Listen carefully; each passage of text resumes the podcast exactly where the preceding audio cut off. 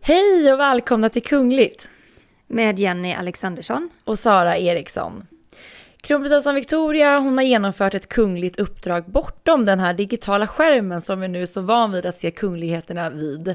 Eh, förra veckan så höll hon ett tal vid Stockholms universitet och en annan kunglighet som syns utanför den här numera digitaliserade vardagen det är faktiskt prins Harry. Han har också hållit ett tal och det vid en gala för att öka vaccinationsförtroendet. Och nu vet vi vad Meghan har i pipen och vilket som blir hennes nästa projekt.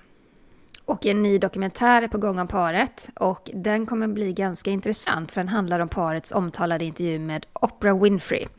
Och där har uttalanden studerats in i minsta detalj och det ska vi berätta mer om.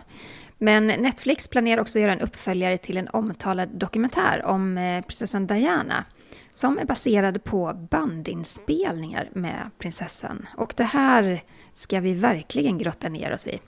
Harry jobbar ju numera med den här streamingjätten. Ja, man kan ju tänka sig, eller man undrar ju vad han egentligen tycker om att den här typen av dokumentär görs om hans mamma.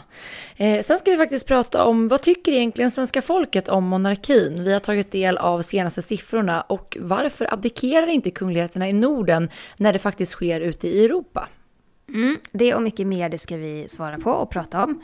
Och så har vi en bunt med lyssnarfrågor som vi också ska beta av. Men vi börjar i Sverige och monarkin i Sverige. Står den sig stark, Sara? Ja, men den gör ju faktiskt det. Och jag tänkte på det så här i samband med eh, kungens födelsedag, så ja, men då ställs ju också många frågor gällande just monarkins ställning. Och vi som journalister, det tror jag du också upplever Jenny, att vi får ju ofta frågan om det här, ska inte kungen abdikera till förmån för kronprinsessan? Och hur populär är egentligen monarkin och vad fyller den för funktion idag? Och det är ju ett väldigt intressant ämne och det tänkte vi prata lite mer om den här veckan. Mm. För i samband med att kungen fyllde 75 så gjorde Demoskop en undersökning på uppdrag av Aftonbladet. Och eh, där kan vi se att eh, förtroendet för kungahuset, om man då räknar ihop alla svarsalternativ som var mycket stort förtroende, ganska stort förtroende och bara förtroende som varken är stort eller litet, men ändå förtroende då. Om man räknar ihop alla de tre svarsalternativen så landar siffran på 77 procent. Det är så, en ganska hög siffra. Ja, men det är det. Mm. Eh, 77 procent har förtroende för kungahuset. Ja, och i undersökningen så framgår det också att det är 31 procent vill att kungen ska abdikera för kronprinsessan Victorias skull, medan 43 procent vill att kungen ska vara kvar som statschef. Men det som kanske är mest intressant, det är faktiskt att se vem som är populärast inom kungafamiljen. Och det är ju kanske inte ett dugg förvånande då att vi ser att kronprinsessan Victoria som vanligt är den man tycker allra mest om. Hela 49 procent tycker ju allra mest om Victoria i den svenska kungafamiljen. Och sen lägger ju kungen på en andra plats och sen kommer prins Daniel tätt följd av prins Carl Philip och strax därefter prinsessan Sofia. Och drottning Silvia kommer på sjätte plats och längst ner på listan ligger prinsessan Madeleine och sist Chris O'Neill. Vad tänker du om det här resultatet, Jenny? Nej, men jag, jag tycker att det inte, det är inte särskilt förvånande. I många år så har ju det här stödet för monarkin och kungahuset legat runt 70 procent. Det har gått lite upp och lite ner beroende på vissa händelser. I samband med att boken Den motvillige monarken kom ut, då kunde man ju se att förtroendet minskade något.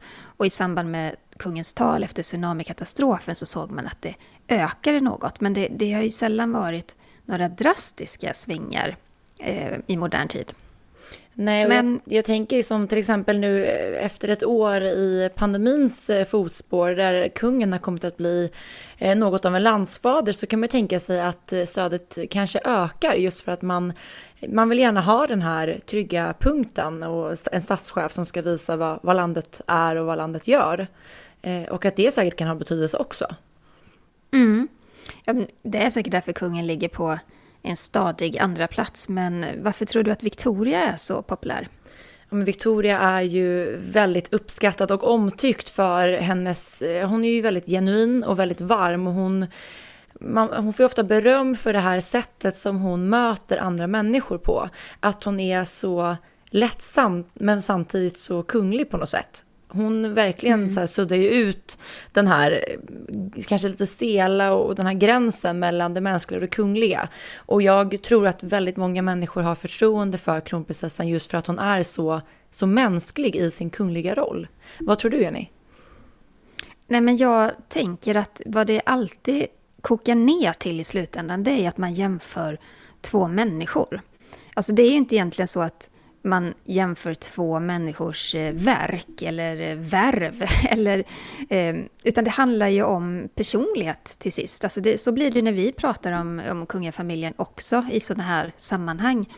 Och det är väl så det får vara. Och det är så människor svarar när de får frågan också. Det, det kommer landa i känslor och vad man tycker om en viss människa. Mm. Mer än vad man tycker om en, en titel, eller inte titel, men ett, eh, ett uppdrag kan man väl säga. Ja, men det är i alla fall inte förvånande att Victoria ligger så bra till, för hon är ju väldigt omtyckt. Nej, samtidigt kan jag tycka att det är lite så här orättvist, för att ska man jämföra då en äldre generation, kungen, med en yngre generation, alltså där eh, Victoria med sitt, med sitt öppna sätt och sin värme kommer alltid vinna det. Eh, men ska man titta tillbaka på liksom vad som har hänt under kungens snart 50 år karriär. Ja, det är en lång karriär. karriär. Ja. Um, så kan jag tycka att det är lite orättvist att göra den jämförelsen, men jag förstår den. Alltså jag, jag förstår verkligen hur folk svarar och hur de tänker, för det gör de med hjärtat och med känslor.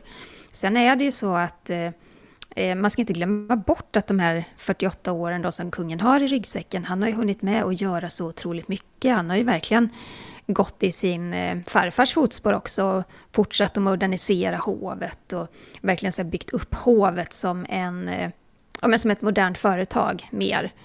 Eh, och avskaffat de här traditionella hovnigningarna till exempel. Det gjorde han redan 73 då när han blev, blev kung. Så att det är mycket sånt som kanske faller i glömska när människor får den här frågan idag. Vem tycker du mest om? Mm. Och så tänker man såklart på människan och kanske inte liksom eh, yrket eller uppdraget. För det är som du säger, det handlar ju ändå om snart 50 år tillbaka och det är ju väldigt mycket som har förändrats i samhället i stort på de här 50 åren. Och så såklart mm. även kungens arbete och också kanske kungens sätt att både möta människor och media tänker jag. Ja men verkligen, det tror jag spelar en jättestor roll. Jag menar, bara det faktum att vi hörde vår kung i en podcast här för några veckor sedan, sedan det är ju ett stort steg i att liksom modernisera kungahuset som absolut inte ens var påtänkt för 50 år sedan. Så det, det är en helt annan mm. relation också idag ja. eh, mot förr. För det hade varit lättare att se Victoria Daniel i en podd än att se kungen i en podd. Men, men det visar bara på något sätt att, eh, tycker jag, att eh, hovet, eh, kungens rådgivare och kungen själv eh, ser att det här är ett måste. För att det är på de här digitala plattformarna som vi alla befinner oss idag. Så det var, det var kul att se faktiskt. Ja, verkligen. Men man får ju också ofta frågan, eller den bubblar ju ofta upp till ytan, så här, varför abdikerar inte kungen till förmån för sin dotter? Han har ju faktiskt passerat pensionsålder för, för länge sedan. Ja, precis. Och om Victoria nu är så populär, kan det då gynna monarkin och kungahuset? Men då är det ju så här att i Sverige och i Norden så har vi inte riktigt den eh, traditionen som kanske finns i andra kungahus i Europa. Eh, man abdikerar inte och man går inte i pension utan jämt det är man på livstid. Ja, och jag tänker också för kungen är det ju alltså särskilt av vikt att kronprinsessan ska få så mycket tid som möjligt att liksom förbereda sig och växa in i den här rollen som, som Sveriges framtida drottning. Eh, och dessutom tror jag också att kungen är väldigt mån om att kronprinsessan ska få så mycket tid som möjligt med sina barn och sin familj. Han själv liksom kastades ju in i den här världen och fick äntra tronen redan som 27-åring. Och eh, det ställer ju väldigt mycket ansvar och krav eh, att vara regerande monark såklart. Mm. Men det är likadant i våra grannländer, för att det har ju varit samma resonemang som pågår där, att drottning Margrethe av Danmark, hon, hon fyllde nyligen 81, kung Harald av Norge, han är 84. De har ju passerat pensionsåldern för länge sedan, men de fortsätter att vara arbetande kungligheter och med fyllda agendor och kalendrar. Så att där, alltså där tänker man ju likartat att man är kung eller är drottning tills den dag man dör. Ja, men så ser det inte riktigt ut om vi blickar ut över Europa. Eh, där har vi lite andra traditioner och kanske också lite skandaler som har gjort att det här valet har blivit lite enklare. Ja men verkligen. Eh, jag tänker, med en gång när du säger detta så tänker jag på kung Carlos. Var det ordet skandal, så ploppar han ja, upp i ditt huvud fort. det var det, för att han abdikerade 2014. Och det handlade väldigt mycket om att han nog kände sig mer eller mindre tvingad att abdikera, för det var en rad stora skandaler som blev offentliga. Eh, man hade känt till ett tag att eh, han då reste på en elefantjakt mitt i den ekonomiska krisen. Det var en djup kris för Spanien. Eh, det var också mycket uppgifter om otrohet. Det var någon av de här biografierna som beskrev att han hade haft relationer med typ tusen kvinnor, hur man nu har tid hur, hur har man hunnit, kvinnor. Hur hinner man det överhuvudtaget? Ja, ja. men framförallt så handlar det nog om det här pengafifflet. Eh, han, kung Jean Carlos, alltså tog emot 975 miljoner kronor av Saudiarabien. Det var pengar som sattes in på hans konto i Schweiz. Och eh, lite mer än hälften av de här pengarna gick sedan via ett konto i Panama till hans älskarinna Corinna Susanne Wittgenstein. Och det här är ju en jäkla härva. Alltså Saudiarabien hävdar ju att de här pengarna var en gåva. Varför man nu ska ge nästan en miljard till en liten sittande regent. Nej. Nej. Men mycket tyder ju på att de här pengarna var en bonus till kungen för att hans roll då saudierna köpte det här spanska supertåget, AVE, för linjen Mecka till Medina. Och eh, allt det här slutade ju med att ja, men kungen abdikerade, han gick i exil och han är nu bosatt i Abu Dhabi. Ja, och det var väl eh, kanske tur för monarkin att han avgick och abdikerade eh, och fick liksom ge, ge, över det här uppdraget till någon som man kanske hade lite mer förtroende för då, hans son. Eh, för det här var ju en enorm skandal och det är ju fortfarande efterdyningar än idag. Ja, och visst var det så att eh, kung Filippe som sitter nu då på tronen, Jean Carlos son, han avsade sig väl sitt eh, arv efter sin pappa, eller hur? Ja, men precis, just för att han inte vill bli förknippad med eh, honom och det han har liksom fifflat med. Och det var väl ett väldigt tydligt statement ifrån hans sida och eh, det säger också ganska mycket om honom och hur han vill försöka nu att städa upp efter sin far eh, och mm. liksom öka återigen förtroendet för den spanska monarkin för att det har ju verkligen behövts efter hela den här härvan. Ja men verkligen. Men han är inte den enda som abdikerat, det finns ju fler. Ja, bland annat eh, drottning Beatrix. Hon följde ju den här traditionen då efter att hennes mamma, drottning Juliana, hon abdikerade ju och även hennes eh, mormor, drottning Wilhelmina. Så att där har ju det sett ut på ett helt annat sätt gentemot i Sverige och där hör det då till tradition att man, man abdikerar till förmån för då kronprinsen eller kronprinsessan. Mm. Och kung Albert av Belgien, han abdikerade 2013 och det var, det var nog mycket som spelade in där, men en av anledningarna tros ha varit det här utomäktenskapliga barnet, hans dotter Delphine Boel. Det var ju en eh, väldigt utdragen historia där hon faktiskt gick till rätten och krävde sin rätt till en kunglig titel och en del av, en del liksom av hans eh, arv och sådär. Och hon fick faktiskt rätt. Och det förvånade ju både dig och mig, för vi pratade ju mycket om det, Sara, att just att eh, att staten och rätten kunde liksom gå in och bestämma att eh, jo, men den här kvinnan ska ha en kunglig titel. För i Sverige så handlar det mer om att det är kungen eller den sittande regenten som beslutar om kungliga titlar. Jo, det var ju också så att de krävde av eh, Albert att han skulle då genomgå ett faderskapstest som han så länge hade förnekat. Och man, eh, han fick väl betala böter, var det inte så, om man inte valde att göra det här till slut. Alltså det var ett ganska hårt mm. krav mm. som ställdes eh, på honom. Och det var, ja, det var så då... 40 000 kronor per dag så länge han vägrade. Exakt. så han fick ju helt enkelt bara då ge med sig. Men det här är väl ungefär ett år sedan ungefär som det här uppdagades då, att så mm. var fallet. Och eh, vi pratade väldigt mycket om det eh, i Kungligt här då under den tiden. Så om ni är mer intresserade av den historien så finns det avsnitt där vi faktiskt går igenom det här mer på detaljnivå. För det är ju väldigt spännande och som du säger, ni varken du eller jag trodde ju faktiskt att det skulle gå så långt som det gjorde. Och idag ser vi ju faktiskt eh, hans då så kallade, som man, som man sa det, framförallt för oäkta dotter med i de här kungliga sammanhangen. Så det var ju en otrolig vändning. Mm. Jag undrar, alltså det vill man egentligen veta mer om, om eh, han, alltså kung Filippe som är, eh, Eh, han som är kung nu, alltså sonen till kung Albert, de är ju då halvbror och halvsyster till varandra, Delfin och eh, Filippe.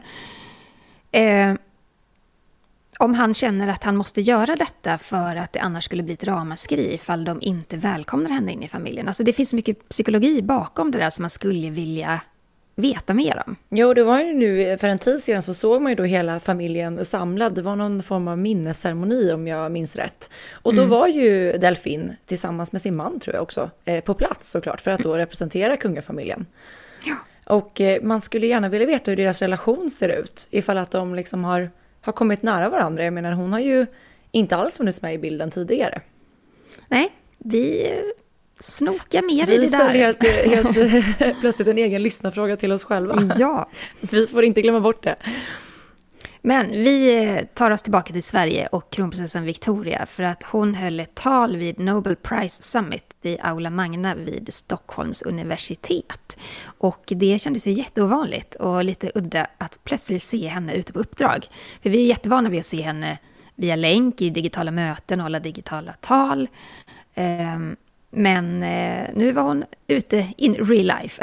och... Ja men det är verkligen som du säger, det är lite konstigt, man blir nästan så att man hajar till, för det har ju gått så lång ja. tid nu sedan vi såg det sist, det som var det mest normala tidigare. Eh, men det kanske också ger lite hopp om att vi är på väg åt rätt håll. Ja men verkligen, och hon bar ju munskydd innan hon gick in och höll det här talet, hon satte ju på det efteråt. Och vi kan väl lyssna lite på vad hon sa. At the moment in time where humanity has become the dominant force of change on planet Earth, causing increasing turbulence in our biosphere. That can be a frightening thought. However, we can also choose to see it from the opposite angle.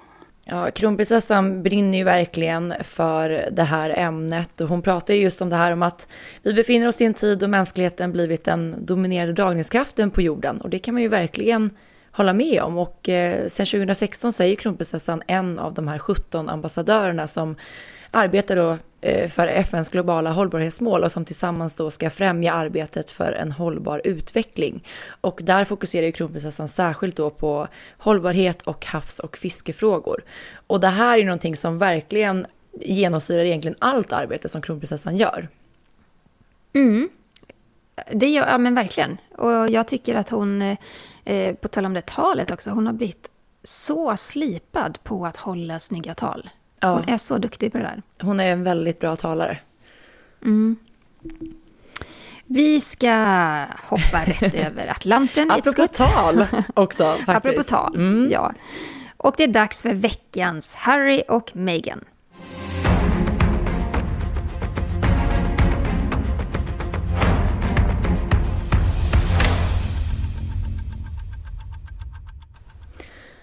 Ja, I samband med prins Philips begravning så återförenades ju prins Harry med familjen. De hade ju då inte setts på eh, mer än över ett år. Eh, ett år som också då kantats av skandaler och eh, familjeintriger. Och bara för en snabb sån liten update så är det ju så att Harry och Meghan valde att lämna brittiska kungahuset i januari 2020 och de skulle då växelvis bo i USA och Storbritannien. Men det hela slutade med att Harry och Meghan tog sitt pick och pack och flyttade till Los Angeles.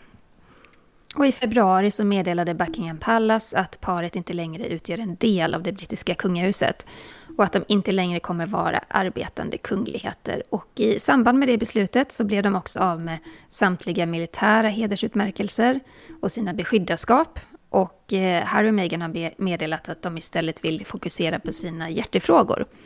Och i samband med eh, prins Harrys medverkan i Late Late Show med James Corden så berättade han vad han vill göra. Och vi lyssnar trying to bring some compassion and you know trying to make people happy and trying to change the world in any small way that we can.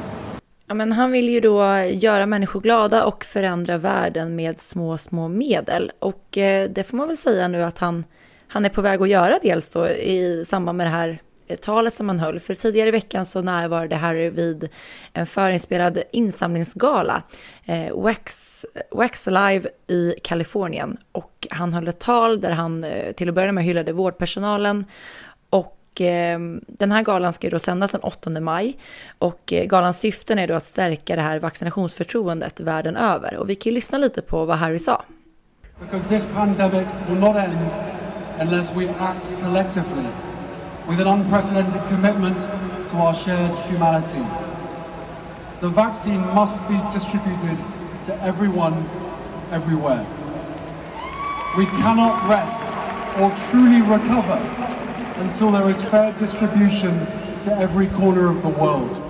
Ja, men han uttrycker verkligen en önskan om att vaccinet ska eh, distribueras till alla, överallt. Eh, och han säger just det att eh, vi ska inte slappna av, vi ska inte pusta ut förrän alla fått vaccin, rättvist fördelat till världens alla hörn. Och han pratar ju mycket om det här att eh, viruset inte hindras av gränser eller länder emellan. Och att tillgången av vaccin då, det ska inte begränsas till bara vissa länder. Utan det ska ses som en grundläggande rättighet för alla, helt enkelt. Ja, och vid den här galan så närvarade ju även USAs eh, president Joe Biden via länk och sen var det en rad kända artister som framträdde på galan. Och eh, det är ju såklart bra att Harry väljer att använda sin eh, starka PR-kraft som han faktiskt har till att medverka, medverka vid det här typet av, av sammanhang. Men en intressant tanke är ju så här, hade en arbetande kunglighet kunnat göra det här eller hade det ansetts som ett politiskt ställningstagande? Jag tror att det hade varit eh, ganska ofarligt att mm. stå på scen och uppmuntra folk att ta vaccin. Alltså, det gjorde ju kungen också när han fick sitt vaccin. Han la ut en bild på, eller inte han, men hans stab la ut en bild på sociala medier. Och eh, han fick liksom agera symbol för att uppmuntra folk att ta vaccin. Så jag tror att just det här är ganska ofarligt. Men om det hade varit en gala med en vinkel, liksom att eh, vi, vi ska inte fördela något vaccin till Kina. Alltså då hamnar man ju i ett helt annat läge såklart. Men det här var en ganska ofarlig eh, mark. Ja, för Harry. jag tycker det. Men det är väl lite så när det kommer till just här pandemin och det handlar om att vi nu ska försöka få en frisk värld. Det är ju samma sak som kungen blev väldigt kritiserad här i Sverige när han i sitt, eh, var det jultal, året med kungafamiljen var det, när han pratade om att Sverige hade misslyckats för att så mm. många människor eh, har omkommit i pandemin. Och då blev det diskussioner om man tyckte att kungen var politisk eller inte. Men när det kommer till den här typen av liksom ämnen, när det handlar om, om alla människors hälsa, så, så här, det, det, går inte att säga att det har med politik att göra. Men det är samma sak med miljöfrågan och kronprinsessan brukar ju säga det att eh, det, det är inte politiskt för det berör alla på vår planet. Det berör alla, hela mänskligheten. Och det är ju lite samma sak här med, eh, med vaccinet, med pandemin, med corona och sådär. Ehm, så länge man inte liksom, som kungen då pekar på att nej men, sittande regering har begått ett misstag, alltså då blir han ju politisk. Mm. Men om man säger liksom att eh, vi har misslyckats i det fall när han liksom kommenterar antalet döda, jag menar, det finns ju det finns en gradskillnad där. Ja, verkligen. Och det spelar ingen roll om man är kunglighet eller inte. Varje liv som har slocknat i pandemin är ju ett liv för mycket.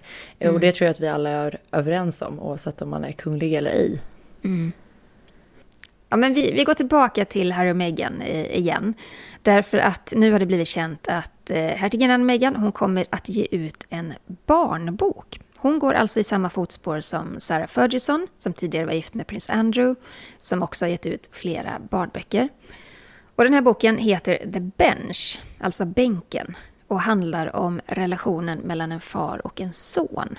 Och Megan säger då ett uttalande eh, Bänken startade som en dikt som jag skrev till min man på fars dag, en månad efter att Archie föddes. Den dikten blev sedan den här berättelsen. Mm -hmm. Vad tycker du om det här, Sara?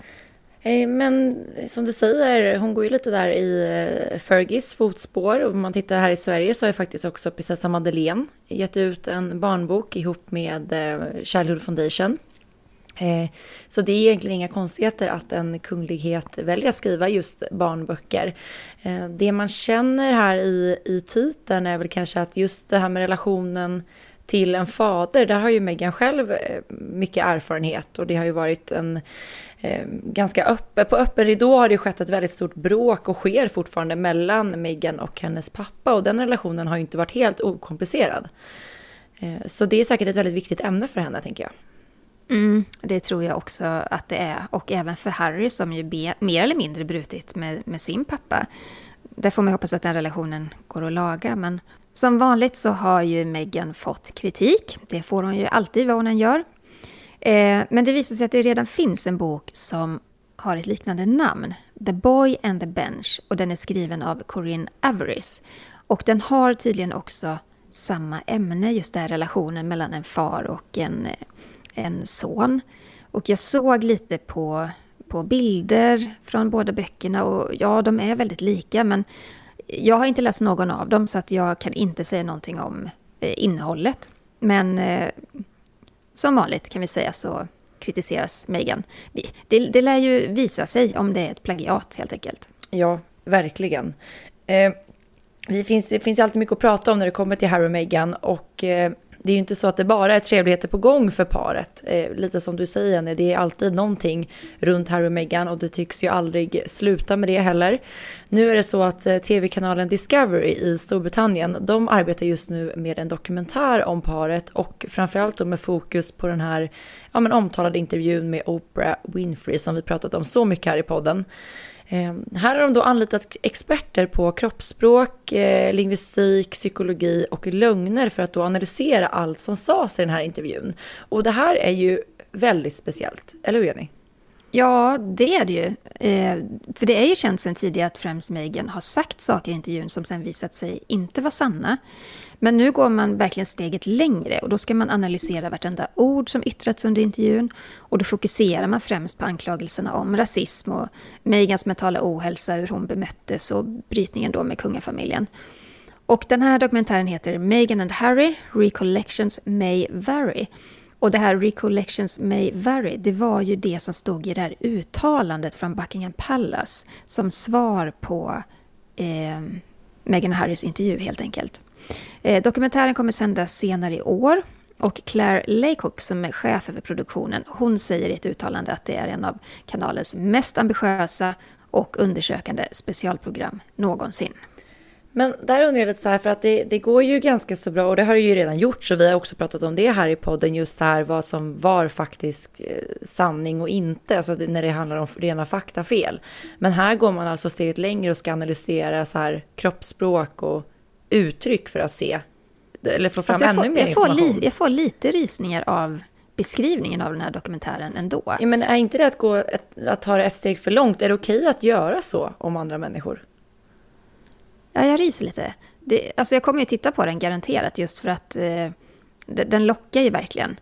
Men eh, nej, men jag håller med dig. Jag tycker att de här osanningarna som, som Megan påstod de har ju rätts ut och gåtts igenom. Och vad mer ska de då liksom gräva i, tänker jag. Men jag tycker att, det, att man väljer att göra den här typen av dokumentär säger också ganska mycket om klimatet som råder mellan eh, hertigparet av Sussex och eh, britterna. Det är ju verkligen så, det är väldigt tydligt. Och att man då, att det har gått så långt att det faktiskt just nu pågår en produktion. Det betyder ju också, förstå hur många led det här ska godkännas igenom innan man drar igång ett sånt här projekt. Och mm. att det inte är någon som har dragit i handbromsen och tycker att det är att gå över gränsen. Nej, vi får väl se vad det innehåller. Det är, alltså, det är svårt när man inte har kollat på det. Mm. Men eh, ja, vi får se senare i år när den sänds helt enkelt. Ja. Eh, men det är ytterligare ett moln på Meghan och Harrys himmel. För att idag, när vi spelar in podden, det är alltså den 5 maj, när vi sitter vid våra mickar, eh, då är ju Meghan återigen tillbaka i rätten i London. På distans såklart, digitalt, men ändå. Eh, I februari så vann hon ju i rätten. Hon behöver inte möta sin pappa Thomas Markle öga mot öga. Eh, man har alltså dömt utan att det blev en stor offentlig rättegång. Och det var ju så här att Megans pappa erbjöd sig att vittna emot henne och ah, det blev en stor storm som sen kvästes kan man väl säga när då domen kom. Eh, men det man ska ta ställning till nu, det är om Megan har rätt till skadestånd. Och så ska man också utreda ifall Megan ska betraktas som att ensam ha upphovsrätt till brevet eller om hennes dåvarande privatsekreterare Jason Knauf också har rätt till brevet. Och i så fall skadestånd. Ja, vi får se var den här eh, sörjan och soppan landar i, för det här har ju pågått ända egentligen sedan Eh, Harry och Meghan gifte sig 2018, för det var i samband med bröllopet som det här handskrivna brevet ifrån Meghan till hennes pappa då publicerades. Eh, och det är ju det allt det här handlar om. Ja, så är det. Vi ska också prata om en ny skandalfilm. Inte bara en skandaldokumentär, utan en skandalfilm som handlar om prinsessan Diana. Kan inte du berätta om den Sara? Jo men det är så här att nästa år så är det 25 år sedan som prinsessan Diana dog i en tragisk bilolycka i Paris 1997. Och samtidigt då så planerar Netflix att göra en uppföljare till den här otroligt omtalade dok dokumentären Diana in her own words. Den sändes ju första gången 2017 och eh, baserades ju då på flera bandinspelningar med Diana. Och i dokumentären så berättade Diana bland annat då om otroheten mellan Charles och Camilla. Vi kan ju lyssna lite på hur det lät. I go downstairs and there's a very happy little threesome going on downstairs. Camilla, Charles and some other man who I don't didn't know chatting away. So I thought, right, this is your moment. So I went and sat down, joined in the conversation as though we were best friends. And I said, uh, Camilla, I'd love to have a word with you if possible. And she looked really uncomfortable, put her head down. She said, oh, yes, right. And I said to the two men, okay, boys, just have a quick word with Camilla, and uh, I'll be up in a minute. And they shot upstairs like chickens with no heads. And I could feel upstairs all hell breaking loose. What is she going to do? Och det är nästan overkligt att höra hennes eh, röst. Eh, men hon berättar ju här att hon följde med Charles till en födelsedagsfest där Camilla också var gäst. Och under hela bilfärden så försökte Charles få henne att vända hem igen, för han ville uppenbarligen inte ha med henne dit. Eh, och Diana, när de kommer fram då så går Diana upp på övervåningen och pratar med, med flera vänner. Och då upptäcker hon att Charles, Camilla och en annan man står på nedervåningen och pratar. Och då bestämmer sig Diana för att konfrontera Camilla. Och hon sätter sig med den lilla gruppen, eh, till en början som om inget har hänt och småpratar med dem. Och sen ber hon om att få byta några ord med Camilla och säger till henne att hon vet vad som pågår. Ja, och det, det som sedan då utspelar sig det är ju att Camilla säger att så här, citat, du har allt du kan önska dig i världen. Alla män älskar dig och du har fått två fina barn. Vad mer vill du ha? Slutcitat. Och då ska Diana ha svarat att jag vill ha min make. Det här är ju, de här orden går liksom rätt in i hjärtat. Mm, det är väldigt dramatiskt. Jag, eh, ibland känns det som att Diana liksom färglade liksom händelser lite mer än vad de kanske var. Eh, men om det är så att den här dialogen har utspelat sig på det här, precis det här sättet så är det ju precis det som taget ur en film, verkligen. Mm. Mm. Men filmmakaren Tom Jennings, som då ska eh, göra den här nya dokumentären, han säger att han har sju timmar med inspelat material med Diana. Och de här inspelningarna de gjordes av Andrew Morton, det var han som skrev boken om Diana, Her True Story, 1992. Och det var ju en eh, storsäljare till bok. Den var ju otroligt omtalad. Och han satt ju då timme ut och timme ut med Diana och eh, spelade då in de, de här samtalen. Men då betyder det ju i alla fall att Diana var medveten om att hon blev bandad och inspelad och det gör ju ändå att det, det känns lite mer eh, okej okay att använda det här i en dokumentär, även om det alltid blir som två läger när den här typen av filmatisering görs såklart. Mm. Ja men verkligen. Eh, och Tom Jennings han säger att intresset för Diana det kommer ju öka lavinartat nästa år. Inte minst för att eh, det då är 25 år sedan hon dog.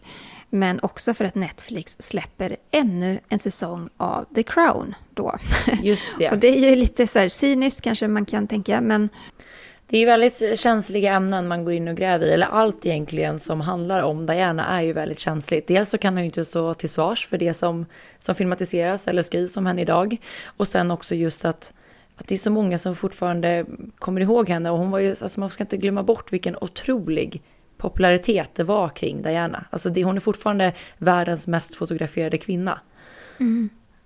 Ja, hon är ju alltså än idag en, en ikon kan man ju säga. Eller verkligen det är hon.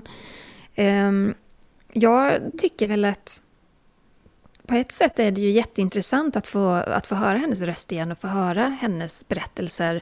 Eh, vi kommer ju inte kunna förvänta oss någon kommentar från kungahuset eller någon som från andra sidan och ger en motbild eller på något sätt väger upp det hela, utan det här kommer ju vara Dianas historia eller filmskaparens historia genom Diana. Ehm, så det får man ju bära med sig. Men sen handlar det också om att eh, jag, jag, kan tycka att för historiens skull så är det också intressant med en sån här dokumentär. Och sen är ju frågan hur man framställer henne, hur man klipper ihop det här och hur man liksom presenterar det hela. Om, ja. om det blir intressant, smakfullt, snyggt, eh, eh, spännande och viktigt liksom, eller om, om det blir en dokumentär som är mer åt eh, skapa rubriker-hållet. Alltså det, det ska bli intressant att se. Ja, verkligen. Och samtidigt kan det kanske också vara bra att den här dokumentären görs då med tanke på att eh, The Crown kommer att liksom släppas där vi kommer få se det gärna ännu mer i nästa säsong. Och det är ju liksom en vad ska man säga, en dramatisering av allting där man måste liksom twista på sanningarna hela tiden för att få till det där dramat som man kräver av en, en liksom fiction-serie egentligen. Men både den här dokumentären och The Crown kommer ju sändas på Netflix. Mm.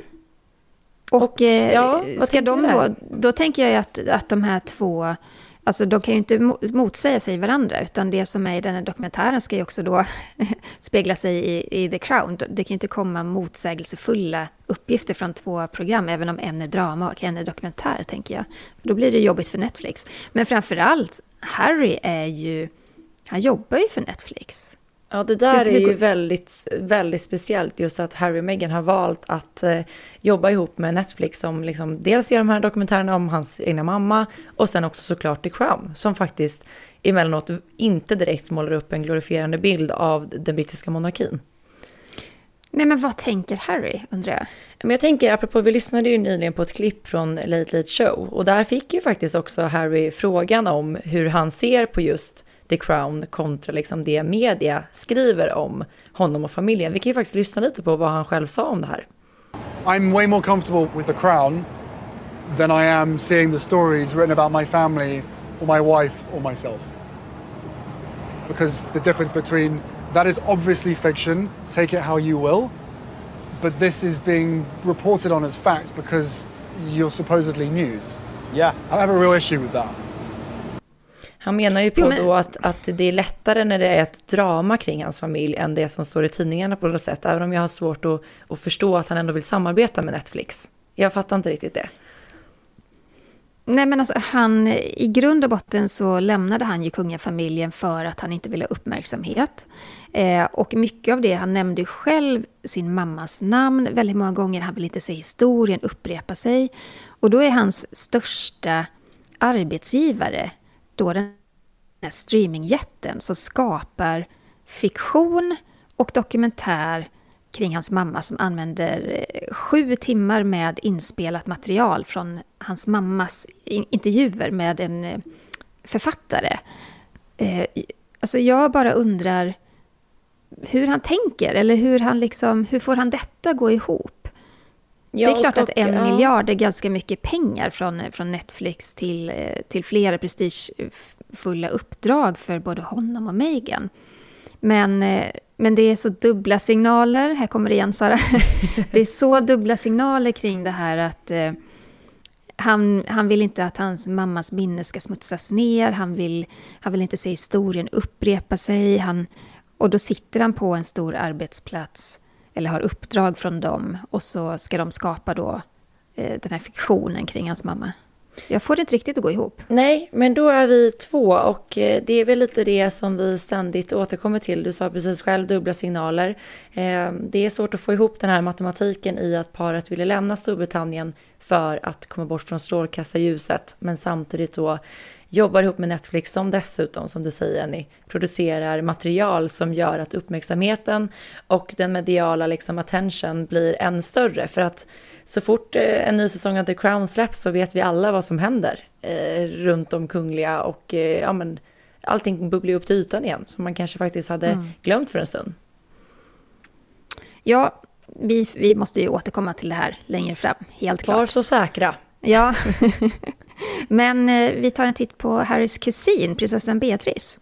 Ja. För i somras gifte sig Beatrice med sin Eduardo Mapelli Mozzi och det blev ett litet bröllop i All Saints Chapel i Windsor Great Park. Och det var bara 20 gäster på bröllopet. Men nu avslöjas ytterligare bröllopsplaner i den brittiska podcasten Hairheads.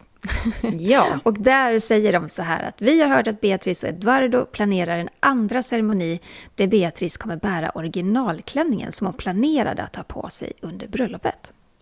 Och det här ska ju sägas att det är ingenting som har bekräftats ifrån brittiska hovet, men man kan i alla fall tänka sig att paret kanske önskar att arrangera en större bröllopsfest när den här pandemin är över, för det blev ju ett väldigt, väldigt litet bröllop för paret i somras. Eh, och också ganska hemlighetsfullt, vi visste ju inte om att det här skulle ske. Mm. Men... Ja, ja berätta du, för nu kommer något spännande här. Ja. Ja, men I samband då med deras bröllop så skedde även någonting historiskt i ja, det kungliga sammanhanget. Eh, parets äktenskapscertifikat blev ju nämligen det sista i sitt slag och eh, man kan även kalla det då för äktenskapsintyg eh, som då paret tilldelas efter vigseln. Det skulle faktiskt lika gärna kunna utföras liksom hundra år tidigare för det har ju sett likadant ut och det är en tradition som sträcker sig 180 år tillbaka i tiden. Det är det här avlånga, gröna, handskrivna dokumentet som då bekräftar äktenskapet. Och traditionsenligt så är det bruden och brudgummens fäder som signerar det här dokumentet. Men från och med den 4 maj i år så ändrades faktiskt äktenskapsrätten i England och i Wales. Och eh, vid då framtida kungliga och även vanliga vigslar så kommer då en förändring att ske. Och som sagt, det här är då första gången som det sker sedan 1837, så att det, det kanske var dags att uppdatera lite där. Eh, och det här traditionella dokumentet, det ska nu bli elektroniskt. Och en annan förändring är även att mödrarna då till brudparet ska ha rätt att kunna skriva under det här dokumentet. Ja, men vad fint. Men det lär dröja innan vi ser ännu ett kungligt bröllop i Storbritannien för Lady Louise, som är dotter till prins Edward och Sophie, hon är ju 17 år och hennes bror James, viskont Severn, är 13 och de står ju näst på tur att gifta sig i nästa generation av kungliga ättlingar.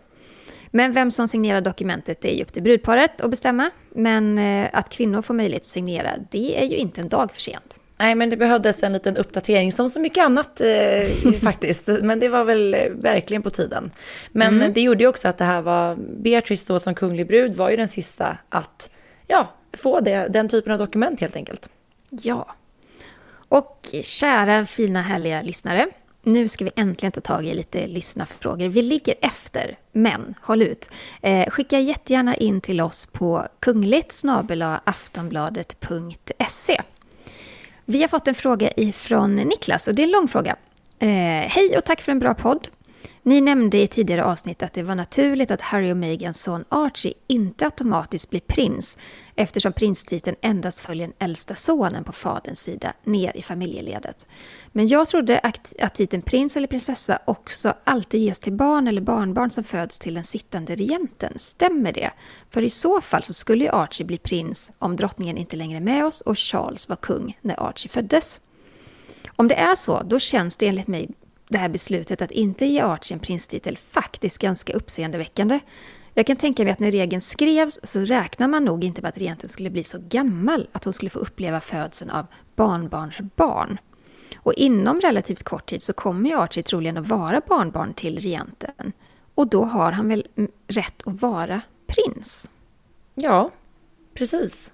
Och precis som Niklas skriver i frågan så stämmer det ju att Archie förmodligen hade då erbjudits titeln prins den dagen som Charles då blev kung. Eller om Charles var kung när Archie föddes, vilket inte var fallet nu. Men eftersom drottning Elizabeth fortfarande är regerande monark så dröjer ju det här erbjudandet till Archie fram till den dagen som Charles tar över tronen helt enkelt. Och det har ju ingenting att göra med, som Meghan formulerade i den här intervjun, att han inte blev erbjuden det. Utan det handlar helt enkelt om att tiden inte inne för det här. Men säg då att Harry och Meghan hade valt att stanna kvar och liksom fortsatt utgöra en del av det brittiska kungahuset ja men då hade ju Archie troligtvis fått den här prinsförfrågan i framtiden. Det är liksom så det här protokollet ser ut. Men nu när Harry och Meghan har valt att lämna så kommer han ju troligtvis inte att erbjudas någon titel. Det vore ju ganska så eh, märkligt eftersom att Harry och Meghan, hans föräldrar då, inte längre vill utgöra en del av det brittiska kungahuset. Eh, men alltså då gällande det här uttalandet som Meghan gjorde i intervjun, det var ju alltså felaktigt. För enligt henne ska ju det här ha handlat om att eh, deras son blivit då annorlunda behandlad gentemot de andra medlemmarna i kungafamiljen och då på grund av hans hudfärg. Men det handlar ju alltså om det här protokollet som finns och som gäller alla kungligheter. Ja, och det är ju lite spännande i brittiska kungahuset just att så här, titlar kan variera. För det är också så att man kan få en titel när man gifter sig, man kan bli hertig eller hertiginna av någonting. Här i Sverige är det ju mer att man får titlarna direkt när man föds. Och så mm. är det mm. bra med det. Liksom. Mm. Men, men i Storbritannien så kan det ju komma vart eftersom helt enkelt. Och också skillnaden just att man i Storbritannien måste födas in för att mm. få en prins eller prinsesstitel. Här i Sverige till exempel har vi ju prins Daniel och prinsessan Sofia som inte har fötts in i det kung, kungahuset utan har gifts in. Mm. De är lite mer stränga i Storbritannien, lite snålare. Men det kan man liksom också tänka sig med tanke på att eh, ja, det är en väldigt konservativ monarki fortfarande. Mm, så är det. Vi har fått en fråga ifrån Saga. Hon skriver så här. Hejsan, jag undrar ifall ni skulle kunna reda ut en del frågetecken som jag har kring en del kungliga äktenskap inom det svenska och norska kungahuset. Det var en väldigt stor sak att Sveriges kronprinsessa skulle gifta sig med en man av folket och jag tycker mig även minnas att det var en hel del prat om att Daniel till en början då inte var accepterad av kungen och drottningen samt då andra på hovet. Att man då motsatte sig tanken på att Victoria skulle gifta sig med en vanlig person. Var det här bara rykten som skapades av media eller låg det någon sanning i det? Något som jag har svårt att förstå är varför det inte skulle vara acceptabelt för Victoria att gifta sig med Daniel när Carl Gustav kunde gifta sig med Silvia. Hon var ju också en kvinna av folket. Hade det något att göra med att Carl Gustav redan var kung och man, ursäkta uttrycket, snart behövde, och snart behövde då hitta någon att fylla rollen som drottning och därför var det okej att kungen hade fallit för något av, någon av folket. Eller var det även stora protester för, från både media och hovets håll? Det är hennes fråga. Ja, jättespännande fråga. Eh, ett kort och enkelt svar det är att eh, kungen väntade med giftermål på grund av sin farfar. För Gustav VI, han var emot att kungligheterna gifte sig med vanliga människor. Och hans söner Karl Johan och Sigvard till exempel, de förlorade ju sina prinstitlar, sina pengar, eh, sin del i tronföljden och sina diplomatiska pass på grund av att de gifte sig med kvinnor av folket. Och det visste ju kungen om. Och det var en mycket infekterad fråga i familjen. Och Sigvard Bernadotte, han slogs ju länge om att få tillbaka sin prinstitel på äldre dagar. Så det var så här, när kungen var kung 1973, då kunde han själv bestämma vem han ville gifta sig med. Så i grund och botten så, så var det inga problem för kronprinsessan Victoria att gifta sig med Daniel Westling från Ockelbo. Men det handlade ju mer om att kungaparet ville vara säkra på att han var redo för det här stora steget. Eh, att han visste vad han gav sig in på. Och han har ju själv också sagt att han behövde nog de här åren också för att han höll på att leva sin dröm med att skapa de här företagen och, och, och gymmen och sådär. Men de fick i alla fall vänta sju år på förlovning. Och att kliva in i det kungliga strålkastarljuset, det är tufft. Det är inte något man gör på en användning. Och medias roll i hur Daniel målades upp, det är klart att det spelade in i bilden av att han inte skulle vara accepterad av familjen. Alltså kungen själv hade fått gifta sig av hjärtat, av kärlek. Så egentligen hade han nog inga problem med att se sin egen dotter gå samma väg. Eh, vad jag minns från den här tiden så var ju, eh, för jag jobbade mycket kring bröllopet, så här, mycket av det här snacket kom ju från människor runt omkring kungafamiljen. Att det var, det var mycket liksom vänner, det var mycket... Ja, det räcker att jag säger människor runt omkring som mm. var kritiska till Daniel helt enkelt. Mm. Ja, och gällande frågan där om att kungen och, drott, alltså kungen och drottningen så stämmer det ju liksom att kungen var ju en omtalad festprisse, precis som Saga skriver i sin fråga, och framförallt då innan han träffade Silvia. Och det var ju väldigt många som blev lättade över att han äntligen hittade kärleken 1972. Eh, och det här ifrågasättandet gällande kungens kärlek eh, där och då var nog faktiskt betydligt större än ifrågasättandet kring Daniel. Och Sara, du har ju faktiskt, eh, du har faktiskt skrivit lite extra om detta. Ja, ja, för en av mina uppsatser när jag pluggade i skolan då så handlade det faktiskt just precis om det här. För jag valde då att, eh, att göra ett arbete om hur media valde att skildra kungen och Silvias kärlekshistoria och förlovningen och bröllopet. Och jag kan säga att det var inte bara positiva röster gällande kungens nyfunna kärlek när jag spenderade timmar nere i arkivet för att läsa då gamla dagstidningar från från den här tiden. Spännande. Det var väldigt spännande. Det var otroligt häftigt att få gå ner i de här arkiven eh, och läsa mm. alla de här gamla dagstidningarna. Det var faktiskt väldigt roligt. Det. Men eh, så... det var inte så positiva ord alltid. Nej. Eh, Saga hade ytterligare en fråga. Det är väldigt långt, men om man, om man liksom eh, bara kortar ner det.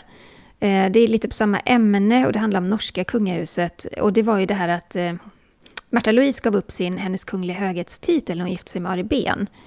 Ehm, det var både på grund av att han var en man av folket och att Märta Louise gjorde det av fri vilja. Och det gör då Saga lite nyfiken på Håkon och Mette-Marit och Harald och Sonja. För de, Sonja och Mette-Marit var också kvinnor av folket. Eh, hade man samma debatt i Norge som i Sverige när det kommer till att vanliga människor inom citattecken gifter in sig, undrar hon. Ja, det, det, stämmer ju att Sonja var ju en kvinna av folket och det var ju många som hade svårt att acceptera det. Och eh, därför fick ju också då Harald och Sonja hålla sin kärlek hemlig i hela nio år. Och Haralds pappa då, kung Olav, han hade ju väldigt svårt att acceptera att hans son skulle gifta sig med en kvinna av folket. Och den här ovissheten som rådde, det gjorde ju faktiskt att Harald och Sonja flera gånger gjorde slut innan de ja, men till slut då kunde visa upp sin kärlek och eh, på så sätt också få den accepterad. Mm. Och Märta-Louise, hon avsade sig sina titlar i samband med bröllopet Mari Ben 2002. Han var ju ganska kontroversiell, han var författare och konstnär och han, eh, han gjorde ganska mycket utspel i medierna och sådär och blev ofta kritiserad för sina uttalanden. Men anledningen till att Märta-Louise avsade sig titlarna, det berodde ju inte bara på kärleken. Alltså hon ville ju frigöra sig och kunna tjäna egna pengar och vara mer självständig gentemot eh, kungahuset helt enkelt.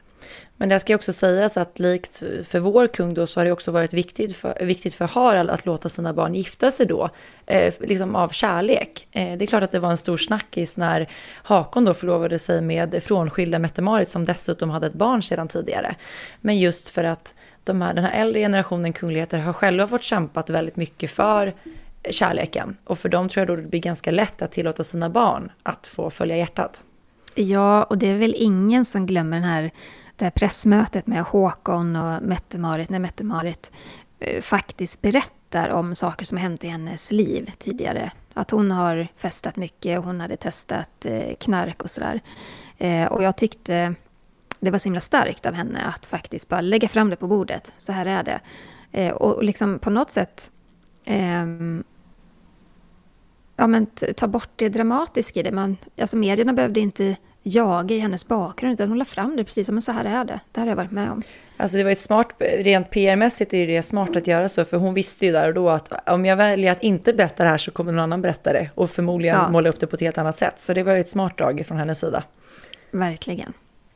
Vi har fått en fråga ifrån Vilma. Hon skriver så här. Kan kungen prata tyska eftersom hans mamma var tyska? Pratar Silvia tyska med sina barn? Ja, kungen han förstår tyska, men han pratar inte jättemycket själv. Eh, drottningen talar flytande tyska. Och det har hon även lärt barnen Victoria Madeleine och Carl Philip. De kan göra sig förstådda på tyska och eh, förstå. Språk. En fråga från Lukas. Eh, hejsan! Förmodligen en helt eh, orelevant fråga, men ändå ganska intressant tycker jag. Om det vore så att drottning Elizabeth, prins Charles och även prins William skulle dö, vem tar då över tronen? Ja. Tack för en grym podd. Hälsningar Lukas. Tack där, själv Lukas. Tack, tack Lukas. Det där är ju en jätteintressant fråga och eh, det här ämnet berörde vi eh, för ett tag sedan i Kungligt för att det var ju faktiskt så att brittiska hovet valde ju att inte berätta att prins William hade insjuknat i covid. Och det handlar ju mycket om just det här att, eh, ja, men att det lätt kan börja skaka lite om man börjar tänka på den tanken att Elizabeth, prins Charles och William skulle bli sjuka och inte kunna regera. Ja, men det som händer i en sån situation det är ju att näst på tur det är ju Williams son, prins George. Eh, men han är ju då alldeles för ung för att regera. Man måste i alla fall vara 18. Eh, då får han eh, en förmyndarregent, eller prinsregent, som går in som en slags vikarie. Och det här känner vi igen. På samma sätt så tänkte man ju med vår kung när hans pappa dog. Då var ju kungens farfar kung. Och hände det någonting med den gamla kungen och eh, Carl Gustaf var för ung, då skulle ju en förmyndarregent gå in där också. Då garderade man sig med prins Bertil. Eh, det var ett tufft beslut för Bertil för att han fick ge upp tanken på att gifta sig med sin stora kärlek, prinsessa Lilian. Men han stod då standby att hoppa in som förmyndarregent ifall något skulle hända då med den gamle kungen. En intressant tanke är ju, eller man undrar ju vem som skulle ta plats för George. Är det då prins Andrew möjligtvis? Eller är han helt utstängd ifrån den kungliga Det får världen? vi hoppas att det inte är. Ja. Det hade varit fruktansvärt. Um, ni känner ju till det här med prins Andrew, att han är ute i kylan på grund av sin vänskap med Jeffrey Epstein som är då dömd för pedofili och sexbrott. Uh, nej, det hade ju varit svårt. Ja, väldigt svårt. Och framförallt mm. väldigt ifrågasatt skulle man kunna tänka sig. Ja. Men vi får hoppas att vi inte behöver ställas, inför, eller ställas till svars för de här frågorna, för det vill man inte ska hända såklart. Eh, det vore ju Nej. väldigt dramatiskt. Eh, Erik frågar så här. Hur kommer det sig att den främsta konungen genom alla tider inte har ett bestämt födelsedatum? Det står att han är född omkring 1240. Jag pratar givetvis om eh, Magnus Ladulås. Ja, Magnus Ladulås, eller Magnus Birgersson, föddes ju omkring 1240 och dog den 18 december 1290 på Visingsö. Och anledningen till att de här datumen anges som cirka är ju helt enkelt på grund av att det inte går att fastställa och att det inte finns tillräckligt med korrekt fakta från den här tiden. Det var ju inte igår som det här hände, ska sägas. Eh, men en annan intressant grej med just eh, Mr Ladulås där, det är ju att eh, Riddarholmskyrkan är ju en kunglig begravningskyrka där 17 regenter blivit begravda. Och det slutade ju vara kungligt, kunglig begravningskyrka 1950 och Gustav V blev den sista att få sin sista vila i Riddarholmskyrkan. Men eh, en intressant detalj här då, eh, gällande Ladulås eh, upptäcktes våren 2011, för vad var det som hände då Jenny? Jo, då insåg man det faktum att det är inte Magnus Ladulås som ligger begravd under den här så kallade norra tumban i Riddarholmskyrkan. Det har man ju trott hela tiden. Men eh, 2011 då grävdes skelettet fram och det visade sig tillhöra en oidentifierad person som levde två sekel efter den här medeltida kungen. Eh, enligt den senaste teorin då så ligger Magnus Ladulås i en nyupptäckt gravkammare belägen mellan de bägge tumborna. Det här är ju jätteintressant. Jag menar, här har man gått och trott då att de här små skelettdelarna som ligger begravda här, eh, det är den här store kungen. Nej, det, var en, det, är en oidentifierad man. Vem är den där mannen? Eller Vem personen? är mannen och varför ligger den här mannen under det här, vad är det, 1,5 ton tunga locket i Det vill man ju veta. Ja. ja. Och det är en man, eller? Det vet man inte heller. Det vet man inte heller. Jag känner ladulåsteorierna här ska jag nog ligga lågt med, för där, det är jag inte så vass. Men det är väldigt, väldigt spännande. Det måste vi, det måste vi också följa men, upp. Men det här med den senaste teorin alltså, det är att man tror att han då ligger mellan de här tumborna, men man har inte fastställt det. Man tror det, ja. Ja. Det blir du och jag som gör ett besök till Riddarholmskyrkan, Jenny. Ja, det är absolut, absolut. Eh, jag fick precis ett meddelande nu på min telefon att det har kommit, eh, eh, vad kallar man det, Döds, eh, mm, dödscertifikat. Nej, jag, nu försvinner det ordet i min, i min hjärna. Men eh, det har kommit uppgifter om att nu vet man varför prins Philip dog. Och när vi ändå talar om döden och begravningar så kan vi lika gärna prata om det. Att det handlar om Alltså han dog av ålder. Hans kropp la ner helt enkelt. Så det var inte covid, det var inte någon infektion, det var inte eh, någonting annat utan eh, han dog av ålder. Och det känns ju skönt ändå på något vis. Ja. Mm. Jag tror att vi får runda av där med eh, veckans lyssnarfrågor för att nu hinner vi inte ta fler. Men vi blir väldigt glada när ni skickar in frågor till oss. Fortsätt att göra det till kungligt.aftonbladet.se.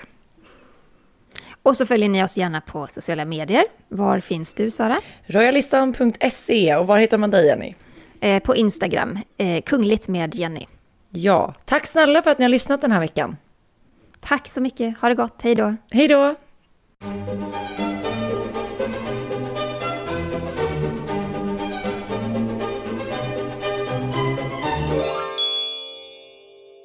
Du har lyssnat på en podcast från Aftonbladet. Ansvarig utgivare är Lena K Samuelsson.